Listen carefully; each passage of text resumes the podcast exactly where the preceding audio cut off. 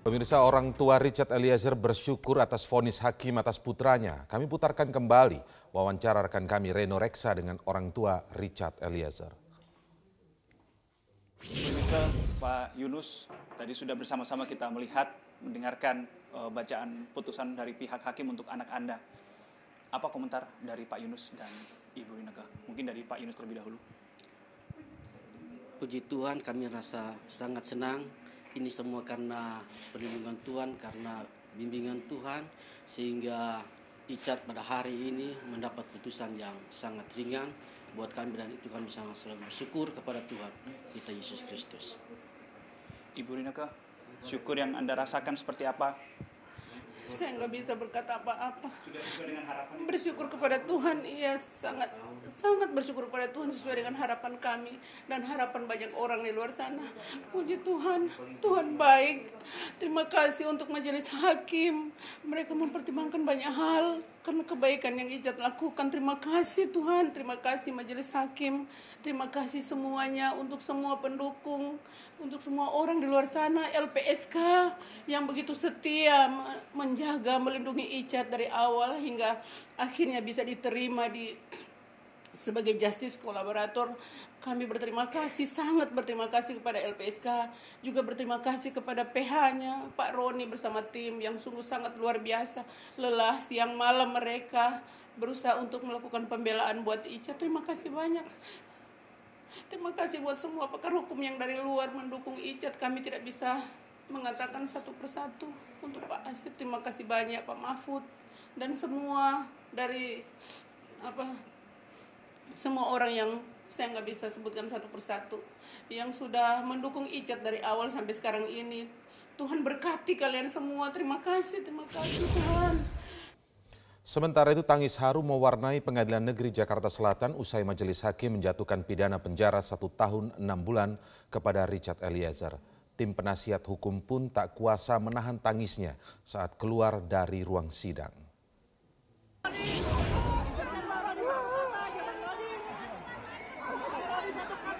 Penasihat hukum Richard Eliezer Roni Talapesi menangis di pelukan pakar hukum pidana Asep Iwan Iriawan sesaat setelah keluar dari ruang sidang.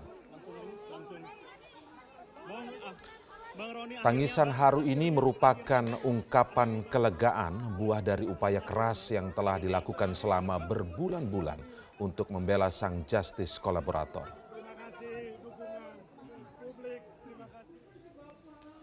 Setibanya di rumah, Roni pun langsung disambut oleh kedua orang tua Richard Eliezer yang langsung memeluknya sambil menangis. Kedua orang tua Richard sempat mengungkapkan keinginannya untuk menemui Richard, namun hal tersebut masih diupayakan. Aduh, orang deh ibu di sini semua kupolong siang gitu Tuhan kasih bapak. Memang aduh. Ya kita lihat ada suasana berbeda yang tampak jelas antara sidang putusan Richard Eliezer dengan sidang putusan Ferdi Sambo, Putri Chandrawati, Riki Rizal dan juga Kuat Ma'ruf. Dalam sidang putusan Eliezer hadirin di persidangan bersorak haru dan gembira kala hakim memfonis Icat dengan pidana penjara satu tahun enam bulan. Kita akan mengulas berbagai ekspresi yang ditampakkan dalam sidang Richard Eliezer bersama pakar mikroekspresi Monika Kumalasari Selamat malam, Bu Monika. Halo, selamat malam, Mas Indra. Baik, saya ingin tahu pendapat Bu Monika terlebih dahulu. Saya yakin Bu Monika pasti mengikuti dari uh, satu sidang dengan agenda vonis di seluruh terdakwa ya. Saya yakin uh, Bu Monika juga mem hmm. mencoba. Pemirsa anggota DPR dari fraksi Partai Demokrat Beni Kaharman mendengar ada kabar burung yang menyatakan sistem pemilu akan dilaksanakan menggunakan mekanisme proporsional tertutup. Beni menyebut kabar burung tersebut membuat anggota dewan resah.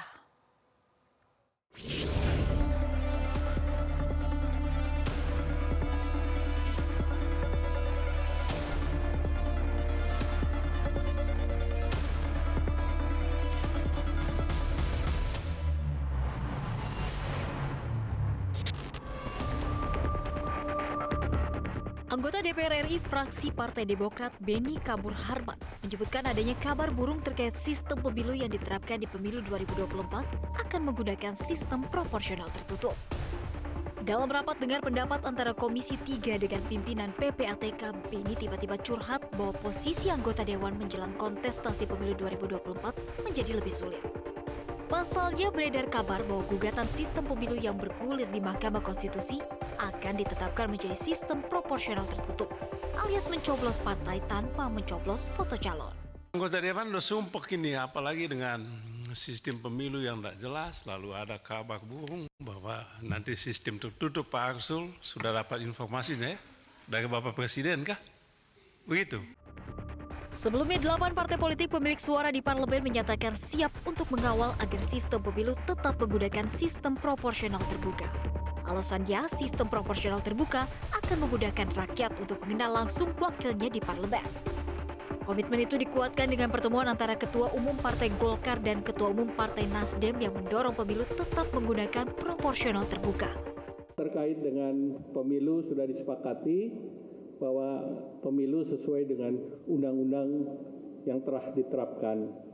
Nah, oleh karena itu seperti dalam pertemuan sebelumnya Partai Golkar dan Partai Nasdem terus mendorong agar eh, pemilihan umum itu dilakukan secara terbuka.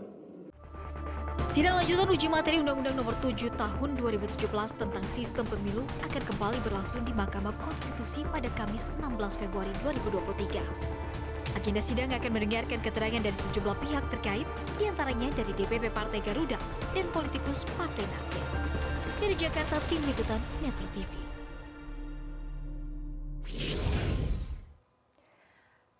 Pemirsa anggota DPR mencium adanya gelagat bahwa putusan MK terkait sistem pemilu akan bias ke proporsional tertutup berlawanan dengan keinginan mayoritas partai politik. Benarkah ada pihak yang sedang mempengaruhi putusan Hakim Konstitusi? Kita akan membahasnya bersama pembina Perkumpulan untuk Pemilu dan Demokrasi Perludem, Titi Anggraini, dan nanti juga akan bergabung bersama kami pakar hukum tata negara Ferry Amsari. Kita akan menyapa Mbak Titi terlebih dahulu. Selamat malam Mbak Titi. Selamat malam Mbak Titi. Mbak Titi, mohon maaf nampaknya suara ataupun audio dari Mbak Titi masih belum bisa kami dengar. Ya, Mbak Rara. Halo. Oke, baik. Mbak Titi, kita lihat dari tadi pernyataan anggota DPR dari ya. fraksi ya. Partai Demokrat yang mendengar ada isu ataupun kabar burung yang menyatakan sistem pemilu akan dilaksanakan menggunakan mekanisme proporsional tertutup. Dari pantauan Anda, apakah Anda melihat ada upaya-upaya di luar ruang pengadilan untuk mempengaruhi hasil putusan MK atas uji materi Undang-Undang Nomor 7 2017 ini? Ya, ini adalah pengujian yang aspek uh, politiknya sangat kuat ya, karena bagaimanapun kalau kita lihat konfigurasi suara partai-partai yang ada di parlemen kan terbelah antara partai yang mendukung proporsional terbuka dan juga ada partai yang secara terbuka menyatakan mendukung proporsional tertutup. Memang ada beberapa rumor yang mengatakan bahwa konfigurasi misalnya dukungannya juga di uh, Mahkamah Konstitusi terbelah antara yang pro proporsional tertutup atau terbuka. Tapi saya berharap itu berhenti pada rumor begitu ya. Justru hmm, hmm, hmm. kalau saya berpandangan momentum pengujian uh, Undang-Undang Nomor 7 Tahun 2017 terkait dengan sistem pemilu ini bisa menjadi kesempatan untuk Mahkamah Konstitusi membuktikan kemerdekaan dan kemandiriannya di dalam memutus serta tidak terbawa masuk kepada kepentingan-kepentingan politis yang justru bisa berdampak uh, buruk bagi Mahkamah Konstitusi. Kita tahu Mahkamah sedang dalam sorotan dan mestinya Mahkamah saat ini uh, Pemirsa sebanyak 9 hakim konstitusi kini tengah menyidangkan gugatan uji materi atas pasal 168 Undang-Undang Pemilu yang mengatur sistem pemilu. Kesembilan hakim konstitusi terdiri dari tiga hakim MK yang berasal dari unsur presiden, yakni Saldi Isra, Eni Nurbaningsih, serta Daniel Pancastaki. Kemudian dari unsur Mahkamah Agung terdapat Ketua MK Anwar Usman, Hakim Soehartoyo, serta Manahan Sitompul. Lalu dari unsur DPR, Guntur Hamzah, Harif Hidayat, serta Wahidudin Adams. Kesembilan hakim konstitusi ini akan memberikan keputusan apakah tetap dengan sistem proporsional terbuka atau mengabulkan gugatan dan mengembalikan pemilu menggunakan sistem proporsional tertutup.